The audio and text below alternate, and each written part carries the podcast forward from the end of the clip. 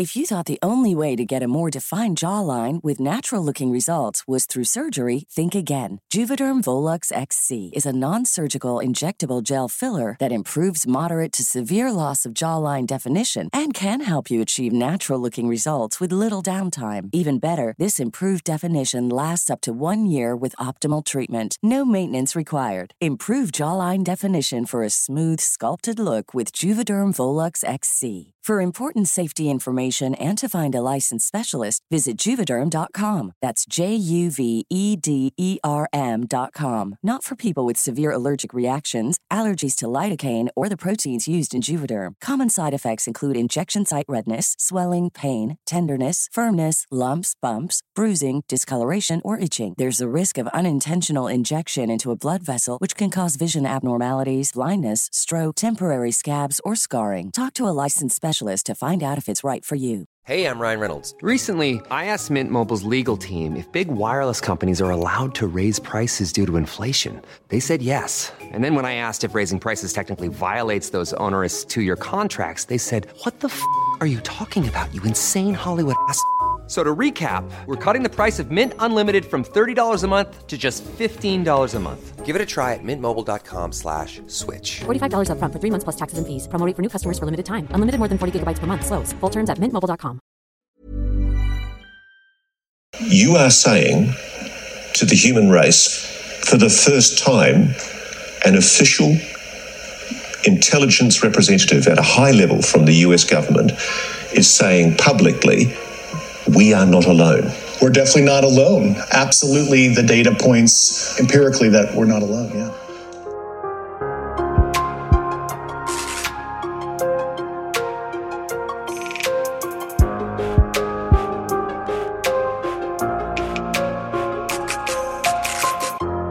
Hej och välkomna tillbaka till Söndagsmysteriet. Nu är vi tillbaka med eh, avsnitt 35 och det är andra avsnittet på säsong 6.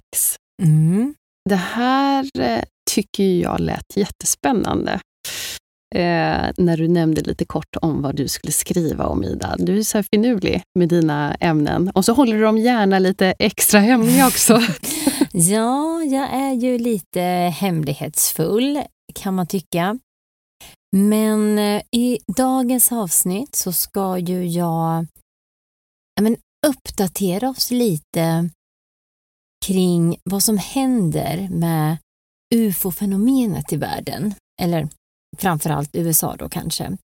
Vi vet ju inte riktigt vad vi ska kalla det här avsnittet än, nu när vi spelar in det, men eh, det har ju hänt en del den här sommaren. Det kom ju ut en visselblåsare, eller en högt uppsatt officer, som gjorde då ett eh, par avslöjanden eh, kring eh, ufo-fenomenet. Sen då har det ju varit en, så en ufo-utfrågning i kongressen i samband med det här, de här avslöjandena. Så att jag tänker att det ska vi också eh, prata lite om. Och det är ju så spännande. Mm. Det här är ju liksom the Verk. real shit. Eller vad, Ja. vad ska man... Ja, men, nej, ja, definitivt. Och Jag kommer ihåg, vi pratade ju om det här redan i somras när det kom ut. Eh, och Det ska bli lite spännande också. Jag har faktiskt inte grottat in mig i det, just för att jag vet att du skulle ju ta det här i ett avsnitt. Eh, och inte alltså satt mig in i så mycket vad som har sagts och vad som kommit ut i den här eh, kongressen. Det blir jättespännande att höra. Det är ju det och jag känner vi måste ju liksom hänga med i den här podden på eh, vad som händer och alla uppdateringar. För eh, det händer mycket, det går snabbt, det är nya saker hela tiden. Jag känner redan att, att vi ligger efter med ny information som har kommit. Så att eh, ja, vi eh, behöver liksom ta de här stegen och uppdatera oss, tänker jag hela tiden, när det händer nya saker. Så att när the full disclosure om ufon kommer, då, Då är vi... då är vi där. Då har vi liksom hela bakgrunden, liksom varför, hur, när, var. det är perfekt. Så eh, ja, behöver vi liksom inte ta allt från eh, början då. Eh, så att ja, jag tänker är vi jättebra. behöver hänga med. Skönt. Ja, vi har en del att avverka så jag tänker att vi kör igång med eh, säsongens första UFO-avsnitt.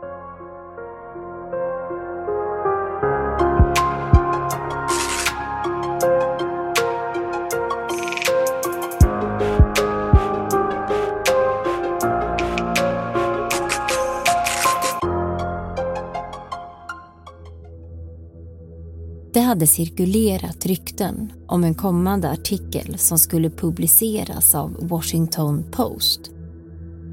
Författarna bakom artikeln var Leslie Keane och Ralph Blumenthal. Och de hade genomfört en intervju med en högt uppsatt före detta underrättelseofficer. Den informationen han delade med sig av var ytterst oroande eftersom att uppgifter om hans identitet nu hade börjat läcka så blev det bråttom med att få ut den här artikeln och eh, Washington Post de hade svårt att möta den här ökande pressen. Istället så vänder sig författarna till nyhetssajten The Debrief för att de hade lovat en snabb publicering.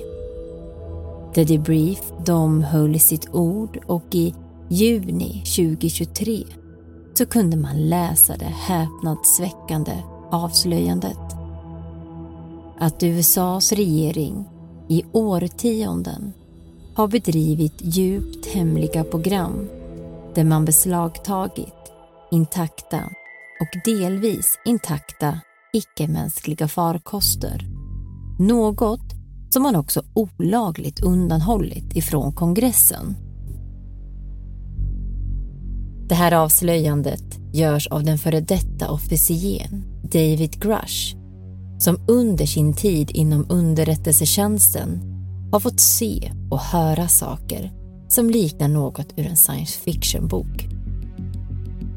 Men vem är då den här personen som har blivit kallad ufo-visselblåsaren av en hel värld? Varför är det så himla speciellt just det som han säger?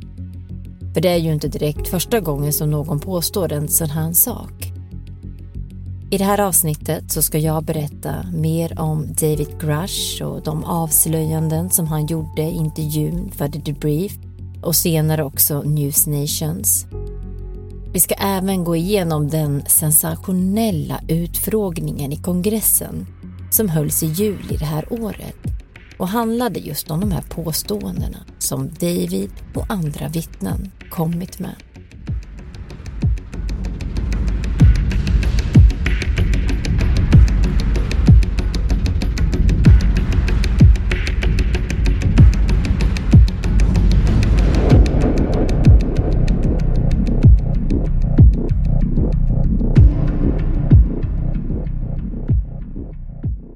David Charles Grush, han föddes år 1987 i en vanlig arbetarklassfamilj från Pittsburgh, Pennsylvania. Efter att han hade avslutat sina studier så anslöt han sig till flygvapnet och tjänstgjorde bland annat som stridsofficer i Afghanistan. Efter sin militärtjänst så återvände han till Washington DC och började istället arbeta som underrättelseofficer. Och mellan åren 2019 och 2021 så var han anställd hos NRO, alltså National Reconnaissance Office. Det här det är en myndighet som ansvarar för signalspaning och bildspaningssatelliter.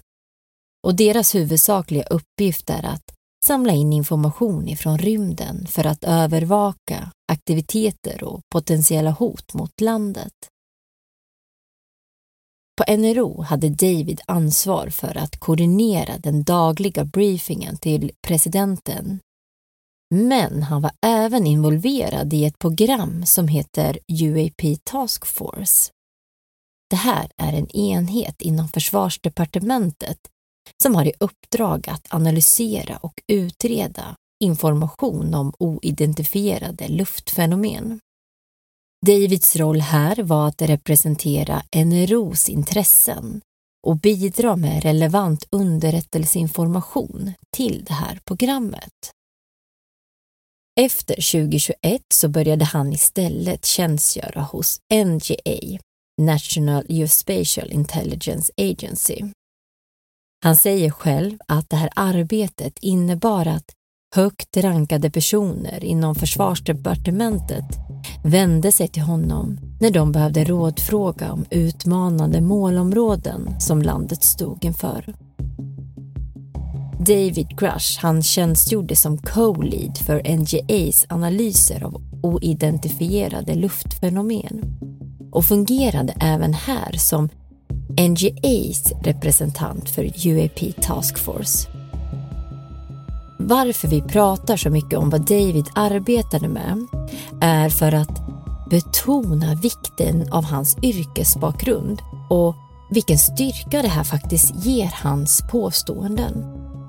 Han var en högt betrodd underrättelseofficer inom försvars och underrättelseetablissemanget med många utmärkelser och dekorationer. Han hade också en av de högsta säkerhetsbehörigheterna, eller security clearance som man brukar säga. Och den här höga säkerhetsbehörigheten gav honom rätten att sättas in och ta del av information från egentligen vilket program som helst som han ville eller behövde. Som jag nämnde tidigare så kan man ju kanske fråga sig varför David Crush påståenden är så intressanta. Och svaret ligger just i hans yrkesbakgrund. Det är första gången i USAs historia som någon med så pass hög position avslöjar sådana här uppgifter. Enligt Grush så har alltså USAs regering, dess allierade och vissa försvarsentreprenader ingått i hemliga program där man samlat in och studerat material ifrån icke-mänskliga farkoster ända sedan andra världskriget.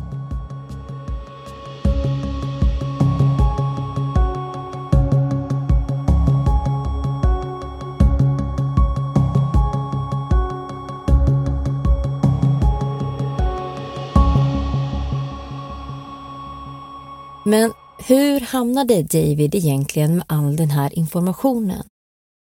Det hela började med när han involverades i programmet UAP Task Force. Han fick då frågan av sin chef om han ville medverka och David kände att, ja men visst, det här kan väl ändå vara rätt så intressant. Om inte annat så skulle han ju åtminstone kunna ange i sin prestationsrapport att han har deltagit i en insatsgrupp. Förmodligen så kommer allt bara handla om rymdskräp eller naturliga fenomen. Ja, det var i alla fall vad David tänkte till en början. Men snart började han få höra om otroliga historier som var svåra att förklara bort. Det var militära personer som berättade om upplevelser som de hade haft med UAPs, alltså oidentifierade luftfenomen.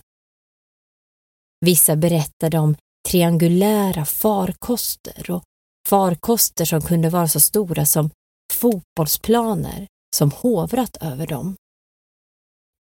Kanske inte helt konstigt så hade han svårt att tro eller ta in det som sades till en början. Han säger att han kom in i det här programmet som en skeptiker, en hardcore vetenskapskille och blev förvånad när han märkte hur seriösa de här personerna verkade och hur upprörda de faktiskt var av det som de hade varit med om. Men det var inte de här uppgifterna eller historierna som ledde till att han senare skulle avslöja för kongressen och hela världen om USAs inblandning med UAPs. Det var istället när högt uppsatta personer som Grush hade känt under hela sin karriär, praktiskt taget stängde dörren till hans kontor och sa Du behöver vara medveten om information som ni i UAP Task Force inte har access till. Flera individer ska alltså ha kommit till David och berättat att de ingick i hemliga program och delade också med sig av sina farhågor som de hade bevittnat i de här programmen. Bland annat att man ingått i olagliga kontrakt med privata företag som strider mot Federal Accusation Regulations. Också att man olagligt undanhållit information. Men även också att man utfört andra kriminella handlingar. Grush berättar hur han ligger sömnlös flera nätter och han kan inte förstå vad det är precis han har fått höra. Kan det här stämma? Men varför skulle personer som han har känt i så många år och som också en del är vänner utanför arbetet ljuga för honom på det här sättet? Han bestämmer sig för att begära åtkomst till de här programmen i fråga för att ta reda på mer. Men förvånande så nekas han access. Alltså trots den säkerhetsbehörigheten han besitter. He says he pressed to gain direct access to this program, and that's when his trouble started. Grush claims his investigation was stymied, his requests for access rebuffed. They shut the door in my face. They denied me access to these programs. Det är nu som han börjar bli misstänksam på riktigt. Varför skulle han nekas access om man inte har någonting att dölja? Grush bestämmer att det här måste utredas grundligare. Så han börjar metodiskt intervjua personer som han visste inte kände varandra för att han ville noggrant också försäkra sig om att det här inte bara var en cover-up för något annat program. Under en fyraårsperiod intervjuar han ett 40-tal personer. Både tidigare och nuvarande högt uppsatta inom underrättelsetjänsten. Många av dem också direkt involverade i de här hemliga programmen. It was, you know, some of the really, really trusted, high-level people we talked to when they, you know, stared us straight in the face very seriously and, you know, confirmed a lot of this information. And the quality of people we talked to, if they ever go public, it'll blow your mind who we talk to. I was like, wow, I can't believe I'm talking to X, who's a really important person, mm-hmm. and they're confirming these certain details, and they're saying like, you know, we need to protect this at all costs, and they're giving me kind of the whole speech about it. And I'm sitting there, it's like an out of body experience. I, I'm like, okay, well, this is a thing. Under den här utredningen får han reda på saker som att USAs regering har bedrivit sofistikerade desinformationskampanjer som varit extremt oetiska. Han får också reda på att man inte bara ska inneha material utan att USAs regering i sina ägor ska ha kvarlevor ifrån avlidna piloter tillhörande de här icke-mänskliga farkosterna.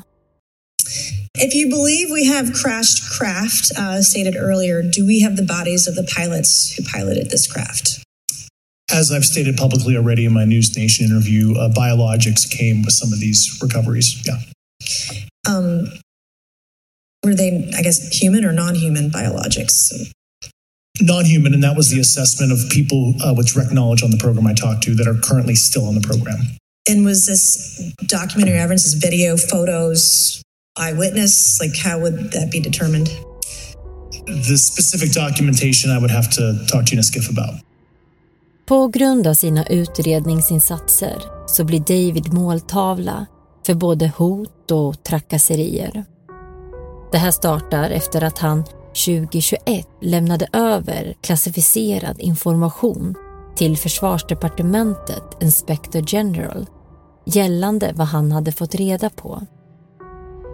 Alltså att det olagligt undanhållits UEP-relaterad information för kongressen.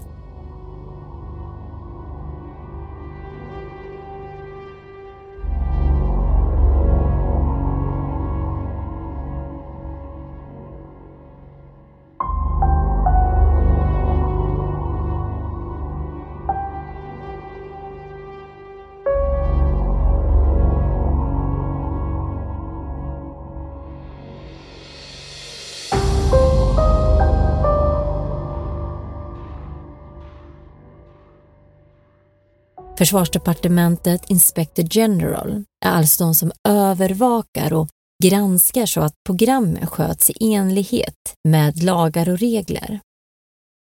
David lämnade alltså in den utredning han hade gjort som inkluderade en rad allvarliga anklagelser som han inte kan gå ut med offentligt. Inte långt efter att han har besökt Inspector Generals kontor så blir han offer för både hot och trakasserier. Han misstänker att den här anmälan hade läckts utanför Inspector Generals kontor. Även om alla dokument och vittnesmål lämnades in konfidentiellt. De här hoten de börjar nu successivt eskalera och börjar bli allt mer allvarliga. Have you faced any retaliation or reprisals for any of your testimony or anything on these lines? Yeah, uh, I have to be careful what I say in detail because there is an open uh, whistleblower reprisal investigation on my behalf, and I don't want to compromise that investigation by providing anything that may uh, uh, help provide somebody information. But it was very brutal and uh, very unfortunate. Some of the tactics they used to um, hurt me both professionally and, and personally, to be quite frank. Yeah. Det här leder till att man 2022 lämnar in en brådskande orosanmälan om repressalier gentemot David. I den icke-klassificerade versionen så står det att Grush har direkt kunskap om att klassificerad information om UAP har undanhållits och eller dolts från kongressen med uppsåt och avsikt att motarbeta legitim kongressövervakning av UAP-programmet. I had, based on my formal security clearance and multiple polygraphs, I had the ability uh, to be read into any program that I needed. At one point in time, I was extremely highly cleared. What conclusion did you come to at the end of your time on the UAP task force? Uh, the UAP task force was refused access to um, a broad crash retrieval program. Man säger alltså att det finns information om kraschåtervinningsprogram av icke-jordiska farkoster som har undanhållits ifrån UAP Task Force, det programmet som alltså hade i uppgift att utreda de här fenomenen. Från Inspector Generals kontor så ansåg man att den här anmälan den var både trovärdig och brådskande, vilket resulterade i att en utredning av vedergällning av en visselblåsare inleddes. David Crush signerade anmälan under ed, vilket betyder att han lovar att allt han säger är sant. Och skulle det visa sig att han ljuger så riskerar han ett långt fängelsestraff. Det här kanske ändå skulle kunna indikera på att han i alla fall inte ljuger om det som han säger. David, han ska ha försett kongressen med den utredningen som han hade gjort, vilket inkluderade timmar av inspelat klassificerat material som hade transkriberats till hundratals sidor. Här avslöjas bland annat att första gången det ska ha skett en krasch av en icke-mänsklig farkost var redan 1933 i norra Italien. Det här ska då ha dolts av den fascistiska diktatorn Benito Mussolini. Men den tidigare påven ska då ha råkat avslöjat hemligheten för amerikanerna som då under andra världskriget kom och erövrade den och förde farkosten till USA. It's true. It's real. Yeah, that actually happened. Italian government moved it to a secure uh, air base in Italy for the, the rest of kind of the fascist regime until 1944, 1945. And, you know, the uh, Pope Pius XII back channeled that. So the um, Vatican was involved. Yeah, and told the Americans what the Italians had, and, and we ended up scooping it. So let me be very clear about this. You're saying that the Catholic Church, the Vatican, mm-hmm. they know about the existence of non human intelligence on this planet. Certainly. De första förhören med kongressen ska ha skett bakom stängda dörrar. Men det ska också varit en hel del information som han inte kunde dela med sig av eftersom att den var för känslig och krävde en viss säkerhetsbörighet för att hantera. Som de i kongressen helt enkelt inte har. I de här förhören så ska även andra personer ha vittnat och styrkt Grushes påståenden. Det ska vara personer som Grush själv hade intervjuat i sin utredning. Grush säger att han aldrig själv personligen har sett icke-mänsklig intelligens, men att han har pratat med tillräckligt många personer, fått se både dokument och bilder för att bli övertygad om att det här faktiskt är sant. På frågan om varför han går ut med det här så svarar han att det är en känsla av service. När jag såg alla felaktigheter som sker insåg jag att jag vill inte vara i 60-70 års åldern och, och ha kunde, skulle, borde ha känslan.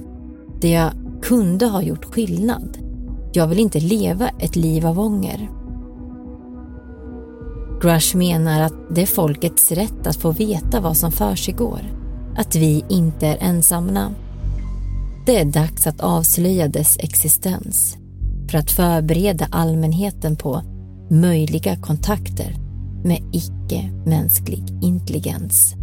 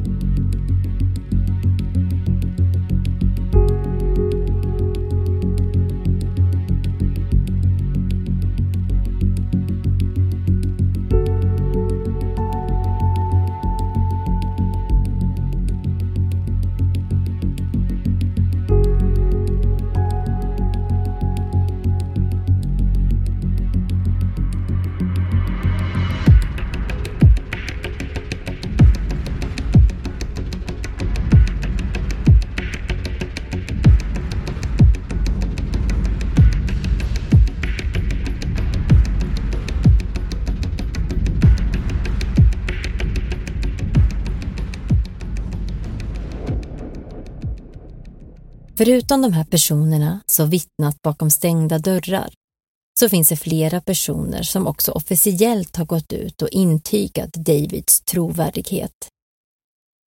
En av dem är den pensionerade arméöversten Carl Nell som arbetade med David Grush i UAP Task Force. Han säger att de här påståendena som Grush hävdar är grundläggande korrekt. Det är också ett obestridligt faktum att åtminstone några av de här teknologierna med okänt ursprung härstammar ifrån icke-mänsklig intelligens. En annan person, Christopher Mellon, som arbetade nästan 20 år inom underrättelsetjänsten och som också var Deputy Assistant Secretary of Defense for Intelligence. Långt namn, men det här är i alla fall en hög tjänst eller rang inom försvarsdepartementet. Han säger i alla fall att ett antal nuvarande och tidigare tjänstemän har delat detaljerad information med mig om de här påstådda programmen. Det här inkluderar historik, styrande dokument och till och med en plats där en farkost påstås ha övergivits och återhämtats. Men det här är också en känslig fråga att få den här informationen att komma i rätta händer för validering.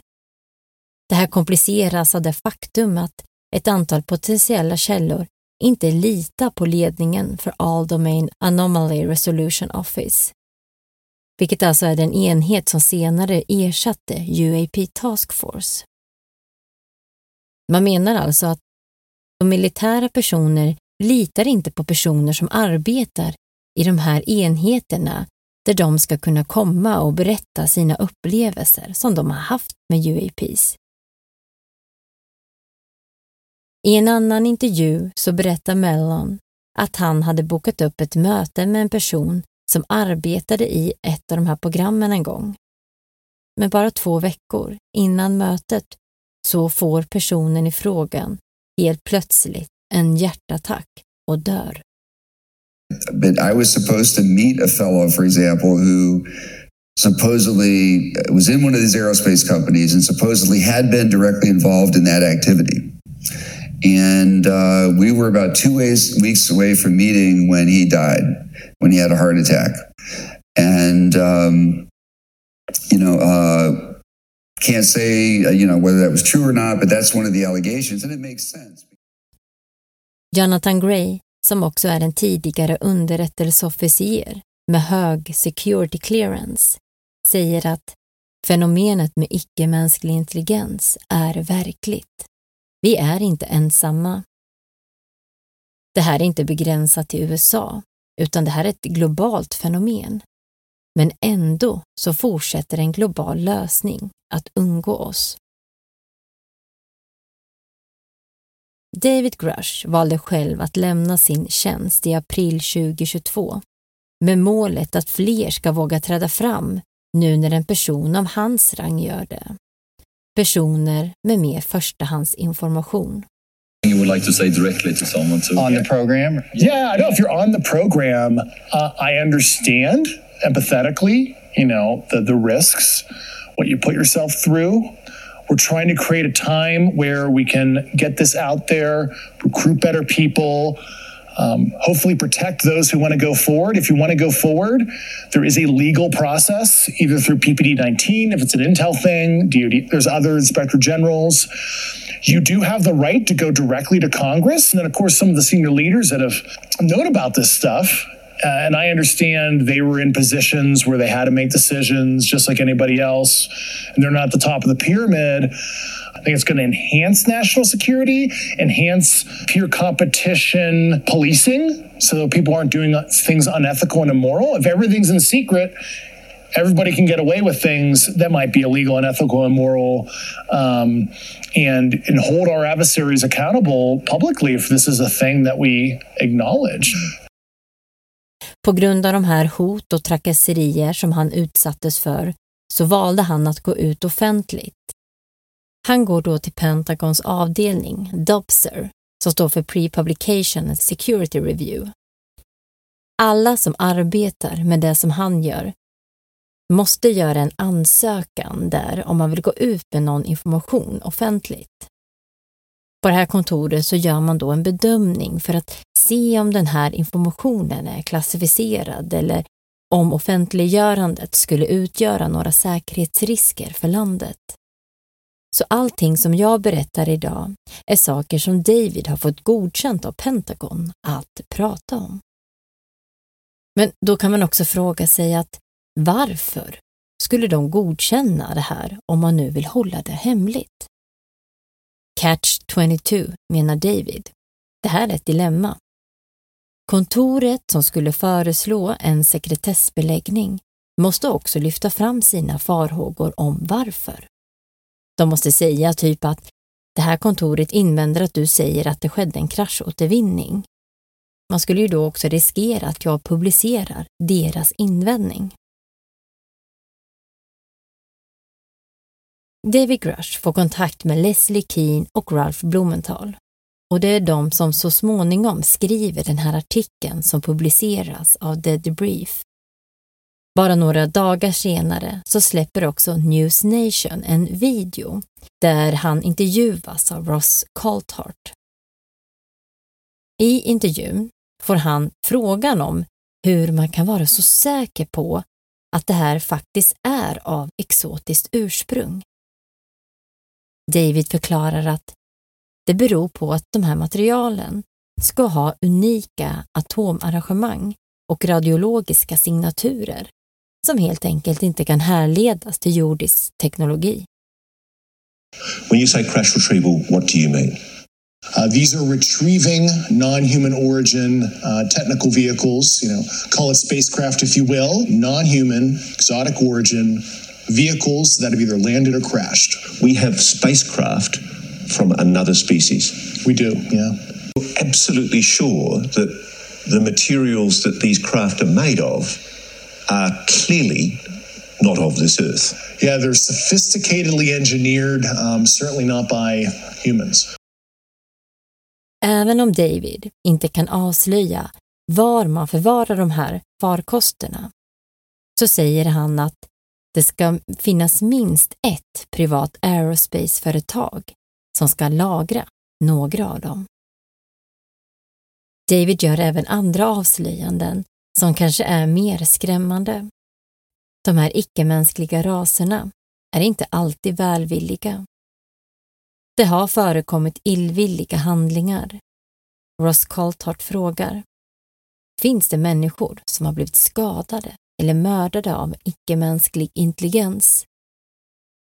David svarar att jag kan inte gå in på detaljer eftersom att det skulle avslöja en klassificerad operation. Men jag briefades av några individer i det här programmet att det ska ha skett skadliga händelser. I think what appears to be malevolent activity has has happened. No, I'm scared. People have just heard you say non humans may well have murdered human beings. That seems to be the case at one point, yeah. Grush förklarar också att USA inte är det enda landet som har kommit i kontakt med icke-mänsklig intelligens och dess teknologi. Att USAs geopolitiska rivaler har sina egna program. Att det sker en kapplöpning att förstå sig på det här och att det också ska ha försiggått ett kallt krig i det dolda. Kalt frågar också, men om de nu är illvilliga och har sådan avancerad teknik, varför har de inte redan gjort sig av med oss? Även om Grush inte kan säga något rakt ut så antyder han att det kan finnas kontrakt. Carltart frågar. Det känns som att du uppenbart pratar om kontrakt mellan icke-mänsklig intelligens och människor. Varpå Grush svarar att den informationen hoppas han att den nationella ledningen ska gå till botten med. Carl ger sig inte utan frågar igen. Finns det kontrakt mellan människor och icke-mänsklig intelligens? David Grush, som uppenbart är väldigt begränsad i vad han får svara, säger inte nej eller att han inte vet, utan säger istället lite trevande att, att det är en fråga som jag också gärna skulle vilja veta alla detaljer om. Han får frågan om personer har dött för att hålla den här hemligheten.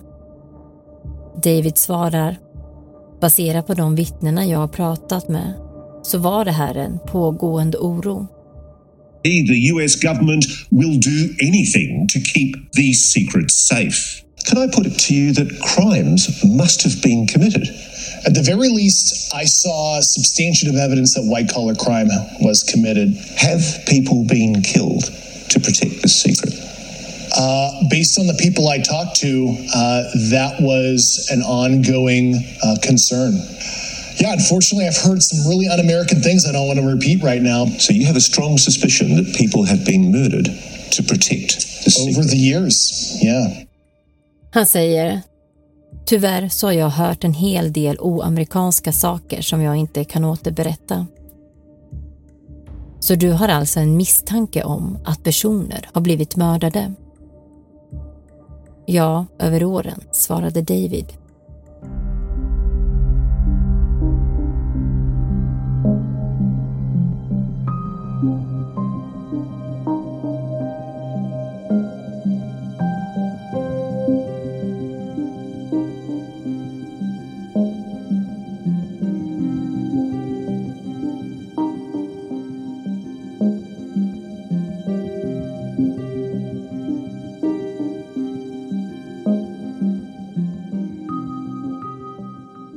Juli 2023 så hade kongressen en öppen utfrågning kring det här som nu hade avslöjats.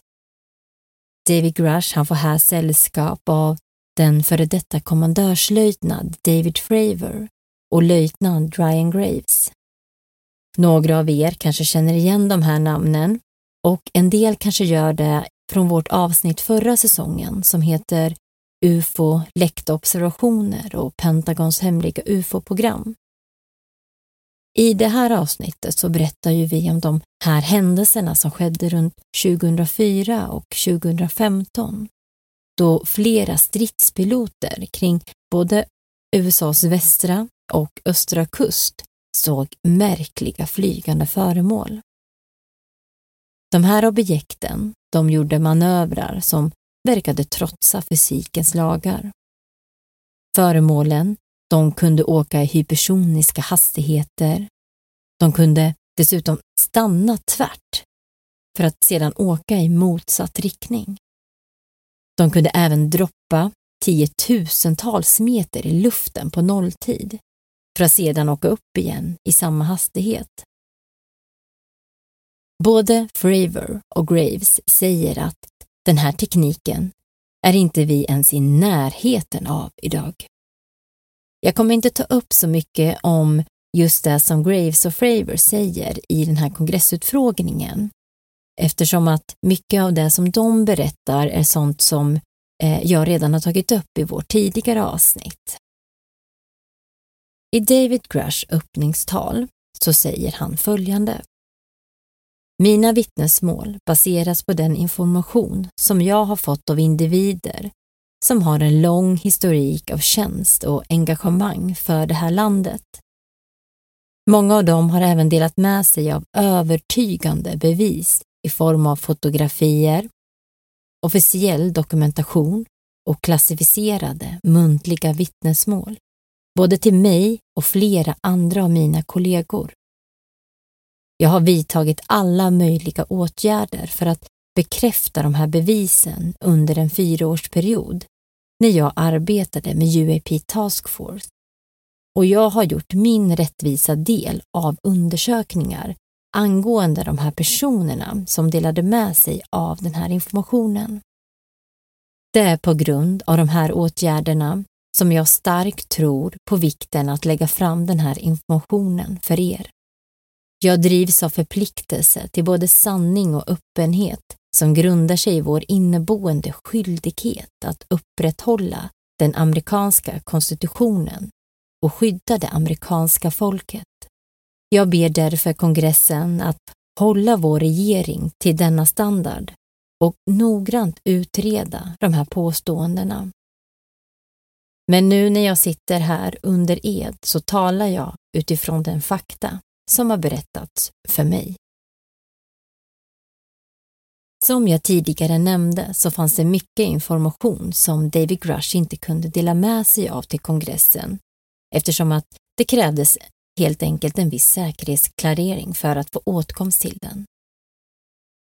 Det här var något som blev återkommande i kongressförhören där han inte kunde ge svar på vissa frågor. Men han hänvisade alltid till att all information hade lämnats över till Inspector Generals kontor. Men det förekom också en del frågor där han svarade att han kunde berätta för kongressen, men endast bakom stängda dörrar, då det inte fick offentliggöras. Så även om vi inte fick så mycket detaljerad information så var det många gånger möjligt att utläsa en del mellan raderna. Och det var ganska otrolig och skrämmande information som kom fram. David får frågan om han tror att USAs regering har UAPs i sina ägor och i så fall vart? Grush svarar Absolut. Baserat på de intervjuer jag har gjort med över 40 vittnen under en fyraårsperiod. Jag känner till de exakta platserna och de här platserna har också lämnat till Inspector General. Även personer med förstahandskunskap har lämnat in en skyddad anmälan. David Grush har offentligt berättat att både han och kollegor har utsatts för både hot och trakasserier. Och jag tänker att vi ska lyssna lite på de frågor och svar som kom fram gällande det här. Do you have any personal knowledge of people who've been harmed or injured in efforts to cover up or conceal these extraterrestrial technology? Yes. personally. Have you heard? Have anyone been murdered that you would think that you know of or have heard of? I guess. I have to be careful asking that question. I directed people with that knowledge to the appropriate authorities. Grush, what, what about you? What was your experience after you came forward? Well, uh, it's only been about two months or so, so I guess my experience has been you know, overwhelming support from uh, former colleagues of mine that have you know privately messaged me, and and I do appreciate that. Uh, but I I do have knowledge of um, active planned uh, reprisal activity against myself and other colleagues, and it's very very upsetting to me. Coming from where? Uh, certain senior leadership at previous agencies I was associated with. And that's all I'll say publicly, but I can provide more details in a closed environment. Okay. Well, I, I hope you understand that um, there would be bipartisan rejection of any attempt uh, to vilify, demonize, or engage in other reprisals against our witnesses and people who are telling the truth from their perspective. Yeah, there were certain colleagues of mine that were brutally administratively attacked, and it you know actually makes me very upset to, as a leader to see that happen to other coworkers and actually superiors of mine over Well- the last three years. How do you account for that response? That, that seems like a bizarre response. Uh, I call it administrative terrorism. Last couple of years, have you had incidences that have caused you to be in fear for your life for addressing these issues? Yes, personally. Yeah. I just want everyone to note that he's coming forward in fear of his life to put in perspective if they were really not scared about this information coming out, why would someone be intimidated like that? At one point, you had said that there there there, there uh, has been harmful activity or aggressive activity. Has any of the activity um, been aggressive, been um, hostile in your reports? Uh, I know of multiple colleagues of mine that got physically injured, and uh, the activity. And I got by by UAPs or by by people within the the federal government. Both. Okay, so there has been activity by by alien or non non human technology and or beings that has caused harm to humans. Uh, I can't get into the specifics in a, an open environment, but at least the activity that I personally witnessed, and I have to be very careful here because you don't, you know, they tell you never to acknowledge tradecraft, right? So, what I personally witnessed myself and my wife was very disturbing. I de här klippen så kan man höra hur David berättar om de hot som han har mottagit. Att det även varit tillfällen där han har fruktat för sitt liv. Han kan inte gå in på detaljer på grund av den visselblåsarutredning som nu pågår. Han berättar också att han känner till personer som blivit skadade på grund av det här. Vissa han känner har blivit brutalt administrativt attackerade. På frågan om han känner till om någon har blivit mördad så svarar han att han måste vara försiktig med sådana frågor, men att han har hänvisat personer med den vetskapen till rätta myndigheter. I det sista klippet så får han frågan om personer som han känner blivit skadade av personer inom myndigheterna eller av icke-mänsklig intelligens, vilket han svarar att det är både och. Senare får han också frågan hur de här blev skadade. Är det något liknande en situation med radioaktivt material eller något vi inte förstår? Jag hör människor prata om incidenter liknande Havanna-syndromet. Vad var din upplevelse av det? David svarar att jag kan inte gå in på detaljer, men du kan tänka dig att undersöka något okänt okänt. Det finns många möjligheter som du inte kan förbereda dig helt för. En annan fråga som ställdes var av ledamotet Eric Burlenson. Han formulerar sig så här. Vi är miljarder ljusår bort från något annat system.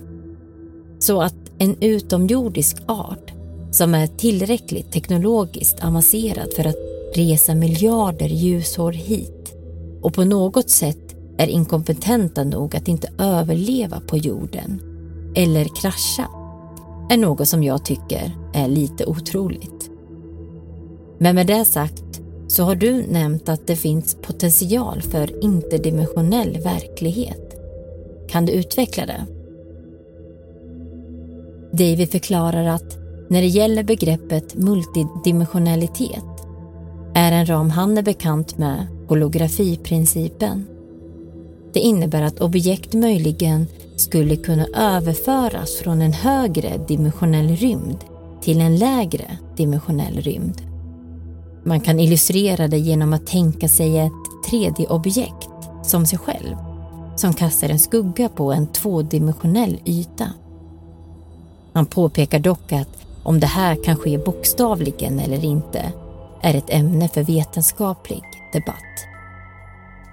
Eric Burnson frågar om det här är något som han har sett dokumentation på, att det är vad som sker, eller om det här endast är en teori. Grush svarar då att han har endast sett teoretiska diskussioner kring det här. Och Det här är också något som David pratar om i sin intervju med Ross Coulthard. Han säger att han vill inte prata i termer om utomjordiskt eftersom att vi inte har tillräckligt mycket fakta för att veta var det här kommer ifrån. Han säger att de här farkosterna kanske inte ens färdas genom rymden så som vi förstår den. Han förklarar att det sannolikt finns ytterligare rumsliga dimensioner så det behöver nödvändigtvis inte vara något utomjordiskt utan kan helt enkelt komma från en högre dimension.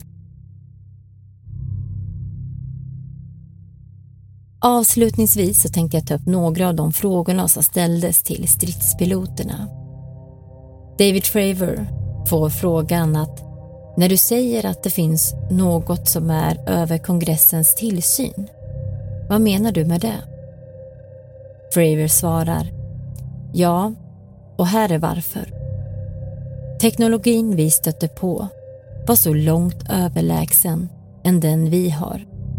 Vi pratar alltså om något som kan åka ut i rymden, ta sig till en plats, dyka ner igen på några sekunder, göra vad den vill och sen lämna. Och det finns ingenting vi kan göra åt det. Ingenting. En annan fråga som ställdes var till Ryan Graves. Hos de UAP som rapporterades finns det några gemensamma karaktäristiska drag som har rapporterats av olika piloter. Och kan du beskriva vad i så fall? Brian Graves svarar att vi såg främst mörkgrå eller svarta kuber inuti en klar sfär. Ursäkta, mörkgrå eller svarta kuber? Ja, inuti en klar sfär. Där topparna, eller hörnen på kuberna, berörde insidan av den här sfären. Det var främst det som rapporterades när vi kunde se dem visuellt.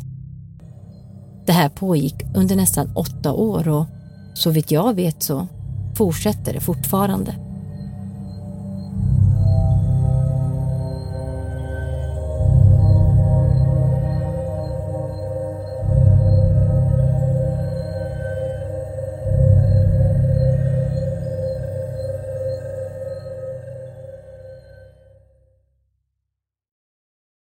När man hör de här berättelserna som kommer ifrån så pass högt uppsatta och trovärdiga personer så börjar man ju ändå undra.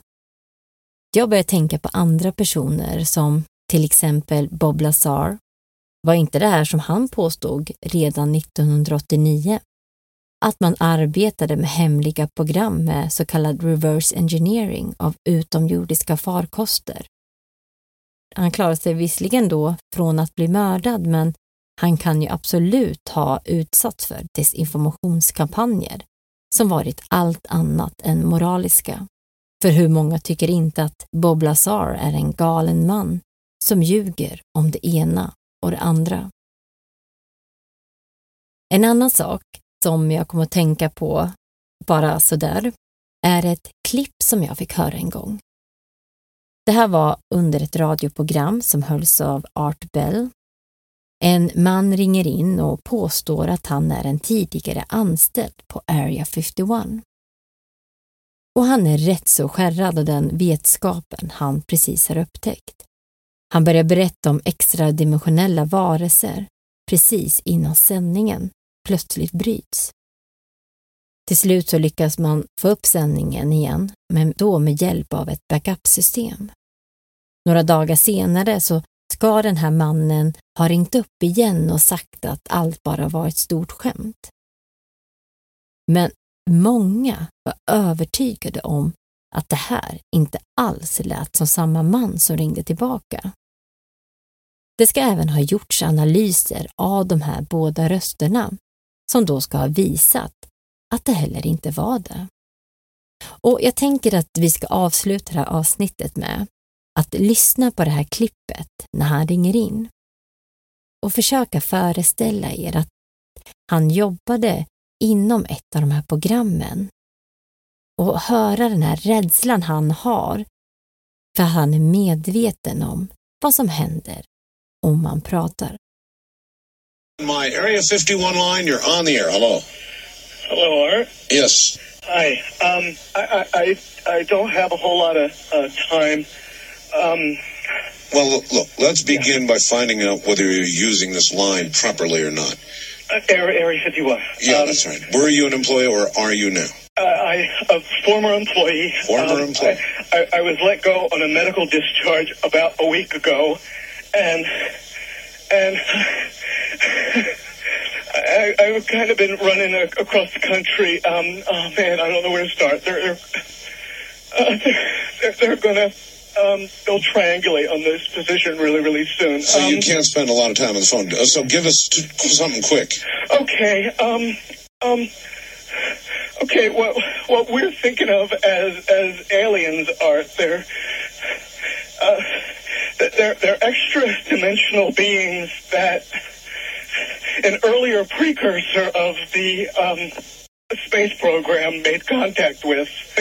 Uh, they they are not what they claim to be.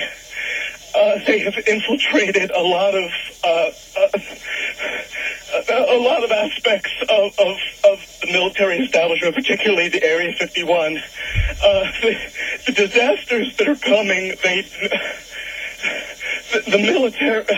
I'm sorry, the, the government knows about them, and th- there's a lot of safe areas in this world that they could begin moving the population to now, Art. But they're not doing. They're not doing anything. They are not. They want the major population centers wiped out so that the, the few that are left will be more easily controllable. Discharged.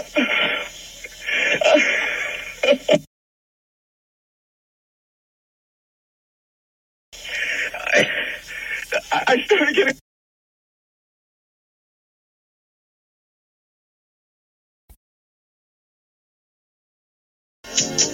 Well, this was certainly interesting. We are now on a backup system, everybody. A backup system. And uh, you, that one caller that I had on the air, I guess we were about in the middle of his transmission, his telephone call, which was a, one of the strangest ones I've ever had. And the entire transmitting system by satellite went down here.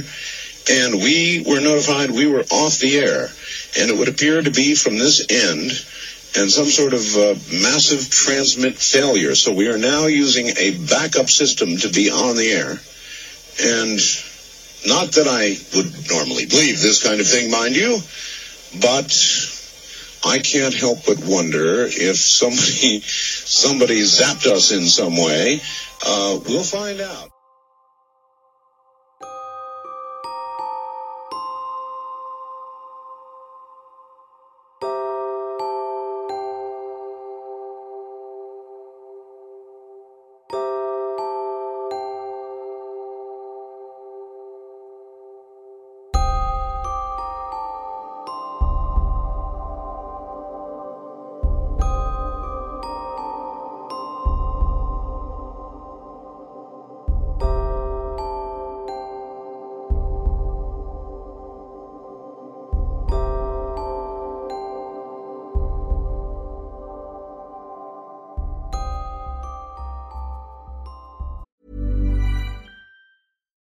Flexibility is great. That's why there's yoga. Flexibility for your insurance coverage is great too. That's why there's United Healthcare Insurance Plans. Underwritten by Golden Rule Insurance Company, United Healthcare Insurance Plans offer flexible, budget friendly coverage for medical, vision, dental, and more. One of these plans may be right for you if you're, say, between jobs, coming off your parents' plan, turning a side hustle into a full hustle, or even missed open enrollment. Want more flexibility? Find out more about United Healthcare Insurance Plans at uh1.com. Hey, I'm Ryan Reynolds. At Mint Mobile, we like to do the opposite of what Big Wireless does. They charge you a lot, we charge you a little. So naturally, when they announced they'd be raising their prices due to inflation, we decided to deflate our prices due to not hating you. That's right. We're cutting the price of Mint Unlimited from $30 a month to just $15 a month.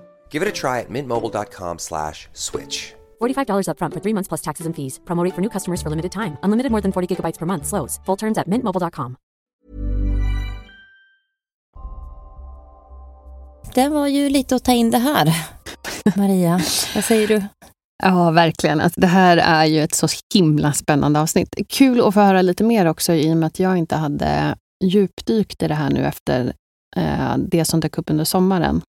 Nej. Ja, jag blir ju mest nyfiken på också vad som eh, har funnits i allt det här materialet som har kommit in till kongressen eller, och det som har varit bakom stängda dörrar. Mm, ja, men jag vet. Ja, man skulle bara vilja få tag i de, de här dokumenten som är liksom klassificerade och bara få läsa ja. dem och se Gud, vad är det egentligen för information de har? Och, och just kanske inte, inte bara det som kongressen har utan det som då man har lämnat in till eh, Inspector Nej, General, precis. för där har de ju lämnat in allt. Eh, Ja, men exakt det som David har, har samlat in under de här, alla de här åren. Det är ju år som han har suttit och intervjuat och, och samlat in materialet.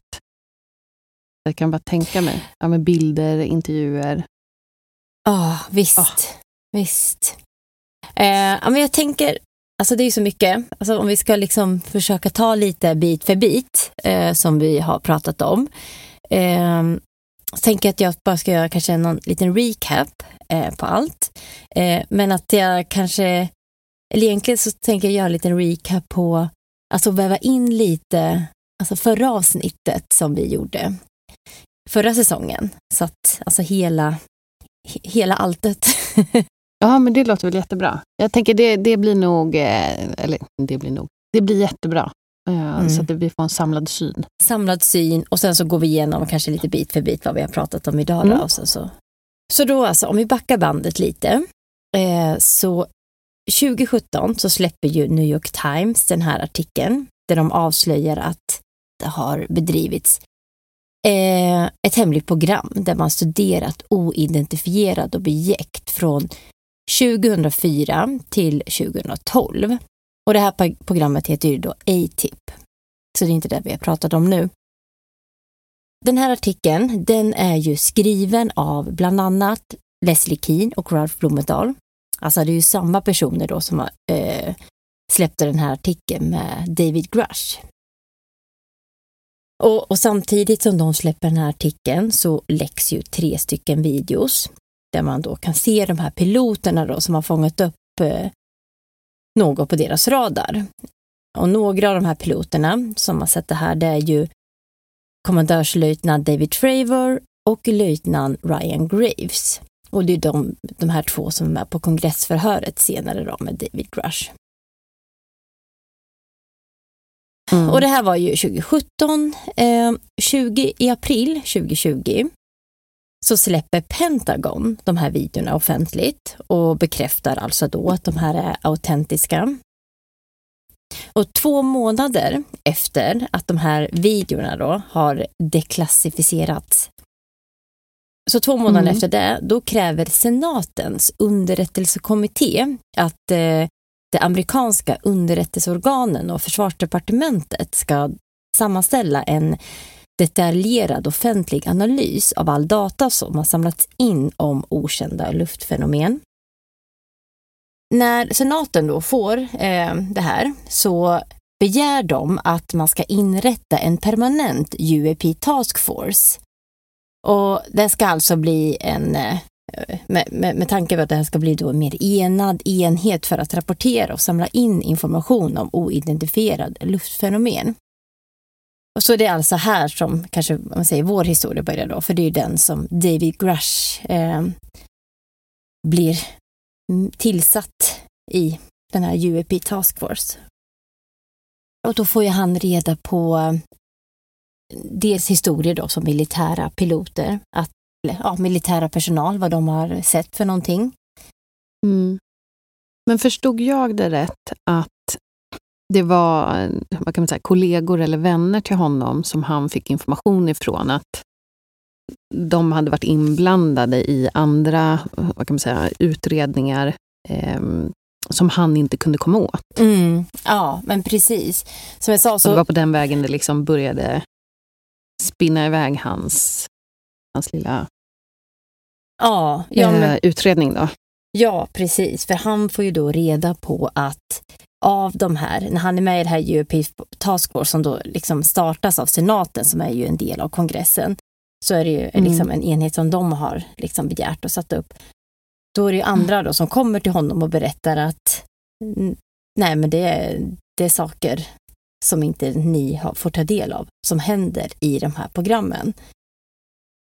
Eh, och det är saker som är Alltså dels att man då har ju ingått i kontrakt med andra eh, aerospace-företag. Det är ju också en sak som är lite intressant, för om man tänker på det avsnittet som vi pratade om, eh, vårt mm. förra avsnitt, för då tar vi upp det att han, eh, Robert Bigelow, som äger eh, Aero, Bigelow Aerospace, att det kommer ju fram redan i här New York Times-rapporten ja, att, ja, de, att han lagrar metalllegeringar och annat material ifrån oidentifierade objekt.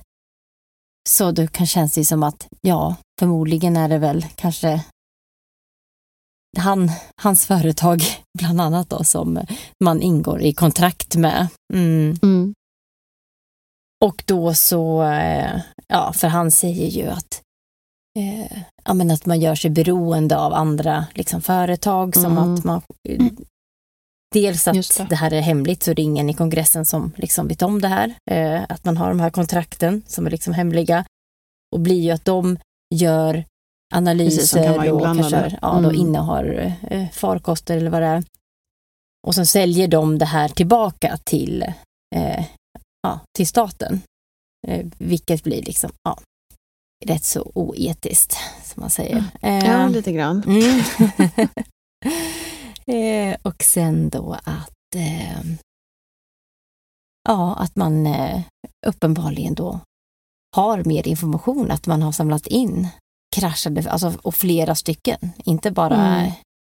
ett, utan det ska vara en hel del, säger han. Och första var väl också långt tillbaka, jag tänker på, jag, jag tyckte det var rätt intressant att det var en ganska rolig historia ändå. Att det redan eh, under kriget, det var ju långt tillbaka, 1933, tror jag att du sa, i norra Italien, mm. att man skulle haft någon krasch där. Och det doldes. Mm. Eh, men sen att amerikanerna kom och tog, tog den här farkosten. Yes, så som de brukar göra. Det hade varit intressant att veta ja. alltså just om det finns några vittnesmål kring den här händelsen. Ja, jag vet. Det måste jag nästan gräva lite, eh. Ja, och det finns, jag vet att de pratar Eller lite om några... finns det väl kanske det. Mm. Och det gör det, och det fanns något dokument eh, som där man kunde kanske då härleda till att det, det mm. faktiskt hade hänt. Och så här. Men ja, det är ju... Och mycket är väl klassificerat. Det finns så mycket material kring det här som är känns som att vi bara behöver eh, utbilda oss och, och, och starta någonstans i USA och få väldigt hög informationsklassning så att vi kan ta del av de här dokumenten.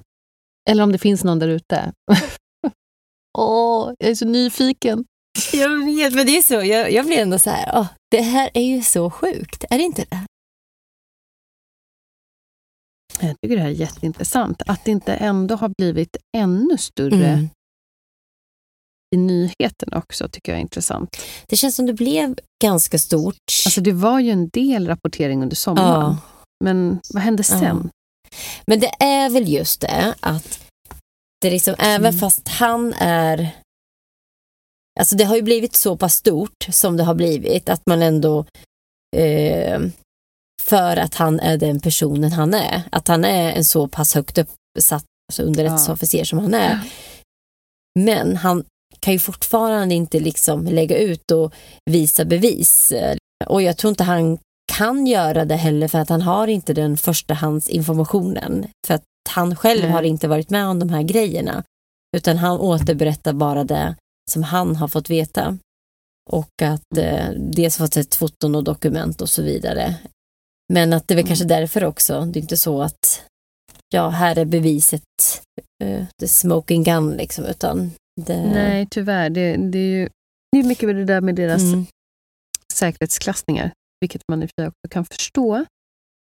Men eh, Mm. det är väl alltid det också som kommer göra att man, man kommer kunna ifrågasätta om är det verkligen sant då? För vi har inget Nej. konkret bevis.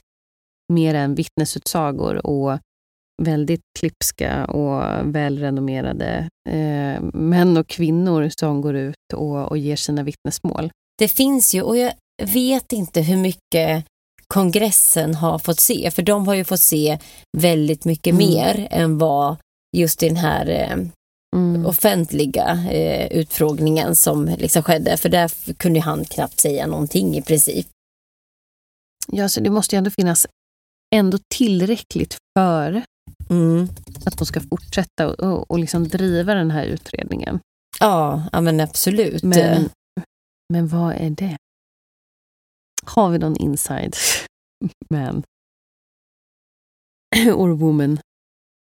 Eh, det var ju en av de här kongressmännen då, som heter Tim Burchett. Han hade, Mm. eh, säger i någon intervju att han hade, fått sett ufo-bilder eller footage, fo- footage och sa typ i princip att eh, efter han hade sett det här så var han typ övertygad om att ja, men de här icke-mänskliga intelligensen skulle kunna eh, göra oss till eh, kolbriketter på Tackar, tackar. på nolltid. Tackar, tackar. Låter ju fantastiskt. Och jag har ju sett som sagt, han har inte gjort så mycket intervjuer. Han har gjort intervjun som eh, Ralph Blumenthal Mm. och eh, Leslie Keane hade gjort då, i The Debrief. Det var den första som kom ut och sen så gjorde han ju den här videointervjun med han eh, Ross Coulthart och sen så var det en eh, som en dokumentärfilm som gjordes, eller var då två killar och jag tror en av dem är någon han känner sedan innan. Mhm. Så att Mm.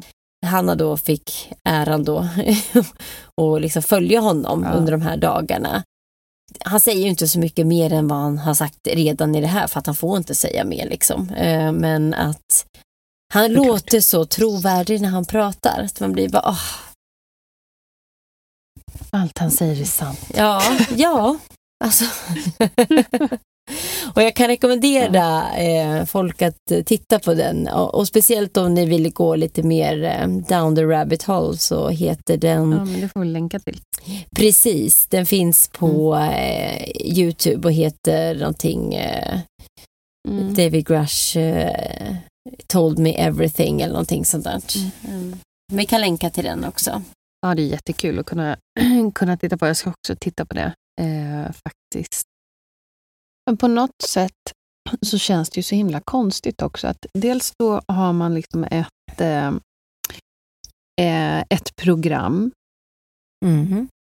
som är startat och styrt från myndigheterna för att utreda oidentifierade liksom, farkoster och, och aktivitet. Eh, som, Mm som man vet om att det programmet finns. Men vad är det då för extra hemligt som de här andra programmen... Alltså vilka är det, vilken liten klick av människor får vara med där? Och vad är det för aktivitet som krävs? Alltså som kräver den här e, extra taskforcen med extra hög informationsklassning. Alltså då, då finns det ju bara två saker, tänker jag. Antingen så är det ju liksom atomvapen och någon slags eh, vapenutveckling eller liknande. Och, eller så är det något hot utifrån. Eller? Mm. Ja, ja men absolut. Eller eh, gör man någon, ja, jag vet inte. Eller gör man något annat konstigt experiment som vi inte vet om? Kanske. Ja, jag vet inte. Vad- Ja, jag vet inte. Det är bara så, så otroligt. Men att det också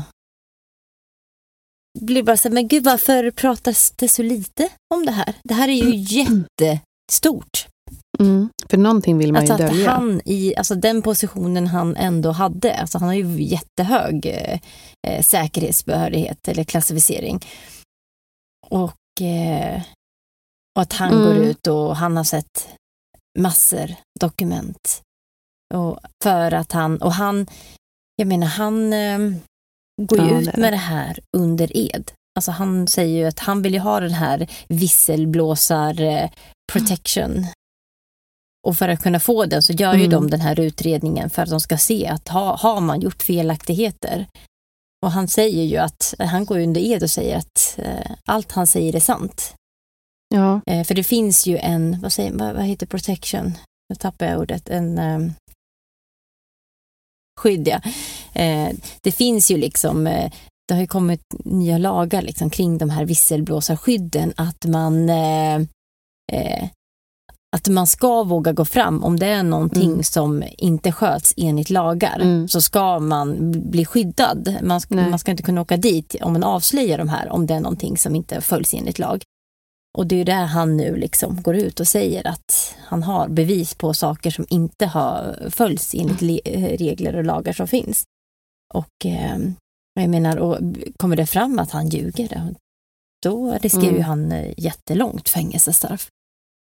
Visserligen så säger ju han bara att saker som han har hört, men det har ju varit andra personer som då har varit involverade i det här eh, mer direkt, som också har vittnat då. ja, de har väl ändå styrkt hans, hans vittnesmål. Ja, som jag förstod det som så har man gjort det. Mm.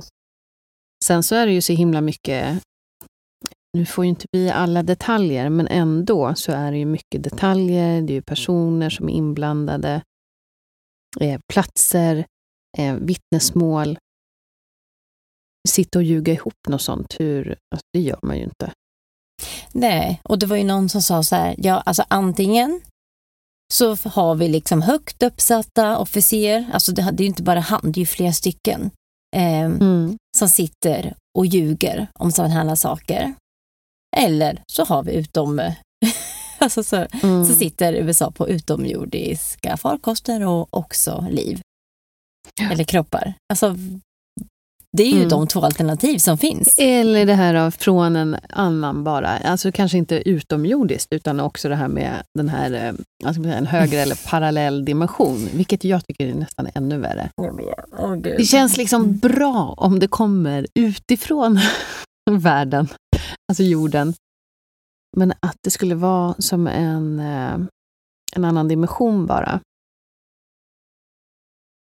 Och så finns det typ portaler här och var. Ja, nej men det där Ja. är så svårt att ta in. Det gör det nästan ännu jobbigare tycker jag. Det känns som att åh, då dyker någon upp här när som helst. Eller så bara råkar man hoppa in i en portal. Men, och det känner jag att det känns ändå mer rimligt. Eller? Ja. Vad jag Ja, tycker. jag det här är ju inte Jo. vetenskapligt bevisat eller någonting. Jag jag är ju ingen liksom vetenskapsman på, på något sätt, utan det här är ju bara vad jag tycker och känner. För alla är där ute, så att vi är på det klara med det. Ja, Men, nu ska du inte prata eh, ner dig själv Maria.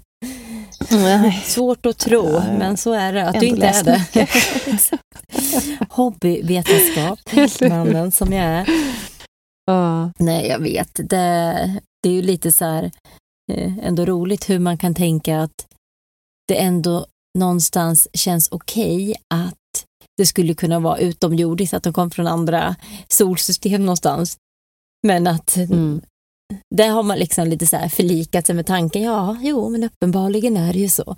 Men att man, Ja. okej, nej, så är det inte, utan det är någonting som finns här, men i en annan då, dimension. Och, ah, nej, det är Mm. ju jätte, jättejobbigt att ta Mm. Men du, jag tänkte också så här, eh, kan inte du förfriska mitt minne lite? Jag tänker, har det kommit några, vad är det för kommentarer eller officiella uttalanden som har kommit från kanske regeringen eller liknande? Alltså vi, under den här tiden som man har haft den här kongress eh, med David Grush? Det är en bra fråga. Det är en bra fråga. Kommentar.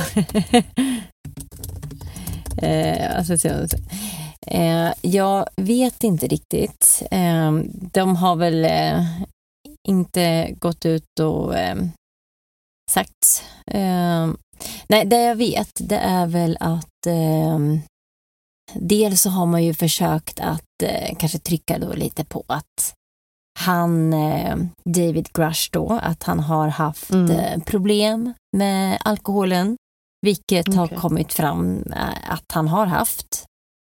Och sen att han någonstans har varit lite självmordsbenägen, vilket mm är väl halvt sant som jag förstår mm. det som, eller jag vet mm. inte riktigt. Men, men han var ju som sagt stridsofficer uh, så att han har ju lidit lite så här post post uh, traumatic uh, POST. Det. Uh. Och jag menar det är ju inte så konstigt att man, att man mår dåligt efter det kanske. Han har haft nära vänner som mm. har blivit dödade under när han hade den tjänsten. Ja, det känns ju som att det är också ett litet tema för alla som egentligen är ja. eh, alltså utsatta ja, för sånt Det är här. ju inget, ja exakt, jag mm. håller med. Det tycker man hör var och varannan som ändå eh, får det, mm. och vilket kanske är en naturlig reaktion på det, om man får sett och varit med om det ja, man visst. har gjort. Och, eh, men då hävdar ju andra då liksom att ja, men det här är ju inget nytt, utan det här har ju de vetat om och han har ju fortfarande fått behålla sin eh, eh klassificering eh, trots det här. Har fått behålla det. Men, eh, och, och, så kommer det nu då och då tycker ju många som att ja, det är ju klart att, och, men också lite det här att då att det kanske talar för också mm. så här att men varför ska de eh, gå ut och hävda det här nu? Varför ska de, alltså, varför ska de behöva ta till det om det nu inte skulle mm. vara sant? För nu känns det som de vill göra det bara för att dölja någonting. Ja. Här ska vi se, jag eh, var ju tvungen att googla och hittade så här, Department of Defense and NASA Statements. Eh, eh, angående det här och det, den här ja. hearingen. Och då säger man ju, alltså just referred questions about Rush complaint to the Department of Defense. Och då säger en Sue Gog, eller Gog, spokesperson for the Pentagon, mm. så att en, eh, en talesperson för Pentagon säger då att to date, ARO, som är All Domain Anomaly Resolution Office. Och det är ju, ja, och det är ju det som det här programmet, ungefär som samma som eh, UAP Task Force, för det lades ju ner och nu mm. har man det här, vad heter det nu, ARO? Mm. Nej, ARO. ARO ja. Mm. mm. Mm. Has not discovered any verifiable information to substantiate claims that any programs regarding the possession or reverse engineering of any extraterrestrial materials have existed in the past or exist currently. ARO is committed to following the data and its investigation wherever it leads. Alltså att man har inte, alltså mm. upp till idag, har man inte hittat, hittat något eh, verifierbar information som stämmer överens med de här eh, claimsen då, som har gjorts eh, angående att man har haft något slags extraterrestrial material, alltså något utomjordiskt eller ja, kan man säga utomjordiskt, men oidentifierbart liksom, som man har hävdat eh, i mm. David Grush då, vittnesmål.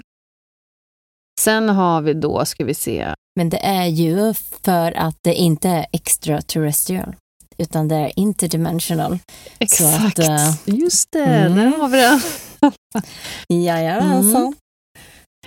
Så har vi NASA som säger One of NASA's key priorities is the search for life elsewhere in the universe, but so far NASA has not found any credible evidence of extraterrestrial life, and there is no evidence that UAPs are extraterrestrial. However, NASA is exploring the solar system and beyond to help us answer fundamental questions, including whether we are alone in the universe. Så här säger de då, det finns ju faktiskt inga... De har inte heller då hittat att man... Eh,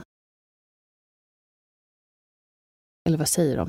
Ja, de, de säger ju att de här eh, bevisen på extraterrestrial life eh, och att de här UAPs inte är extraterrestrial, Mm. Ja, säger precis. de egentligen.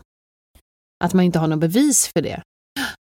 Ja, Så, men, en annan ja, dimension men då va? tänker, ja, men då tänker jag liksom så här, tänk om det är så att deras uttalande nu är att eh, ja, de kan hävda det, för vi har inga bevis på att det är utomjordiskt.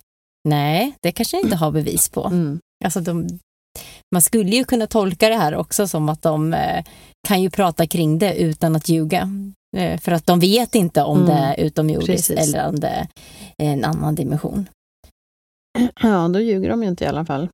Jag får bara känslan du vet om när han David pratar att eh, i och med att det här har tagits upp då med Mm. interdimensionalitet och att han har sett då eh, dokument på det här att man har diskuterat kring det att det skulle kunna vara. Eh, det är ingen som har eh, ja, mm, nå- någonting man vet. Men att det blir så här, ja men då är det ju säkert så. Mm. Alltså att, att man, då har man så här, kanske så här uteslutit eh, vi förstår att det här inte kom från en annan planet utan något annat. Vad kan det då vara? Ja. Annat också som är superspännande i det här är ju hela den här biten med vittnesmålen kring det här med teknologin, alltså som, de, alltså som ingen någonsin egentligen har stött på. Och där det då sägs pågå en slags kapplöpning eh, mellan olika länder, då, tänker jag. För att förstå sig på den eller kanske kunna nyttja den. Enligt honom då så är det ju både Ryssland och Kina verkar det ju vara då, eller USAs geopolitiska rivaler, vilket är väl dem. Eh, och sen så är det ju eh, USA och USAs allierade då som alltså ingår i det här. Som, för det här verkar ju vara globalt.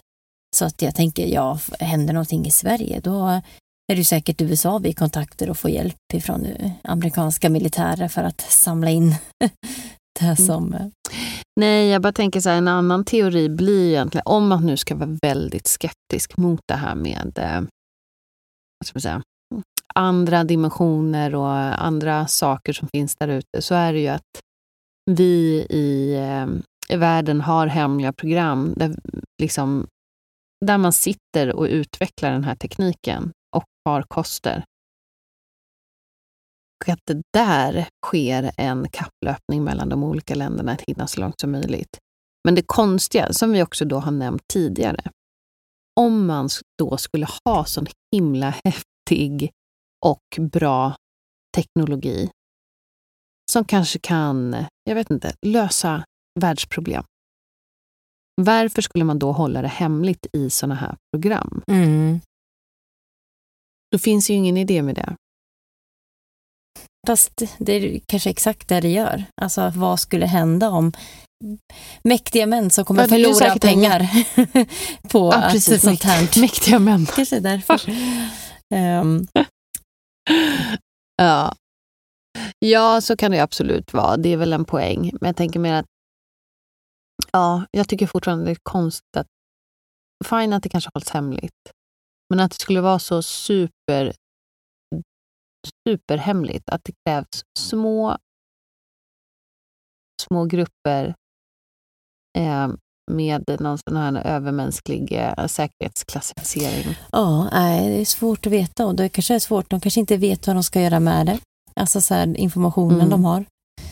Så att ehm, det, eller de kanske inte vet vad allting handlar om. Så det är ju det är kanske därför de måste hålla det hemligt för att de Mm. måste förstå sig på det här och vad kan vi göra och vad händer om vi går Ja. ut med det här och andra får ta del av det och då kanske kan Nej, och hamnar det fel så... liksom, vad, vad händer då? Alltså andra företag kan skapa, det kanske liksom, de vill veta exakt vad de eh, eh, vad det här är och hur man kan hantera det innan man går ut med. Ja, jag vet inte. Det kanske finns en anledning till att man behåller det här. För det kanske är för så galna grejer så att det, säga, men det här kan inte vi gå ut med än. Mm. Och hamna i fel händer. Nej, det är inte bra heller. Men hade det kommit någon slutkläm också då på det här? Alltså det, han, han vill ju att, eh, han säger att det här har skett felaktigheter. Det är, liksom, det, det, är inte rätt att det här ska vara hemligt. De, de följer mm. inte de lagar och regler vi har. Liksom. Och det är hans liksom, stora statement för det här. Eh, sen vet ju han om, alltså han har ju inte direkt kunskap utan han har ju egentligen bara fått se och dokument och bilder och pratat och fått mm. vittnesmål han själv. Eh, för honom är det ju så här, ja, men jag, jag har pratat med så månmånga så jag vet att det här är sant. Och han bara, har, ljuger de för mig? Han bara, okej okay, men då ska inte jag vara underrättelseofficer för då är jag, då, då har jag missat mm. helt liksom. Um, ja. Men att uh, han vill ju att uh, nej, folk ska våga komma fram och uppenbarligen så ju, har ju folk mm. i de här programmen kommit ut och varit räddade, rädda för att de ska bli mördade i princip sagt om de avslöjar det. Så att det har ju ja. hänt, dels har han avslöjat att det har skett mord. Alltså, och eh, folk har blivit administrativt eh, brutalt eh, eh, attackerade. Eh, så att jag kan bara tänka mig vad som har hänt med vissa som har... Mm. Ja, du, mm. precis. Du sätts ju ner i en källare i något jävla arkiv och så där får du jobba resten av livet. Glömma bort allt. Mm. Ja, men det här får ju bli liksom ett eh, litet återkommande ändå, tänker jag. Att vi, vi får ha ett litet öga på det här framöver också. För jag tänker, det här är ju någonting som kommer utveckla sig med tiden. Härligt att ni lyssnade den här veckan igen. Så att vi hörs ju om två veckor. Och då kommer vi prata om något helt annat. Tänkte jag säga, utan att veta schemat. Mm. då kommer vi väl gå in på lite mer eh, spökigt antar jag. Mm. Ha, ha det så bra så länge så hörs vi och ses. Nej, hörs om två veckor Kul. igen. Det gör vi. Ha det så bra. Hej då. Hej då. Hej då.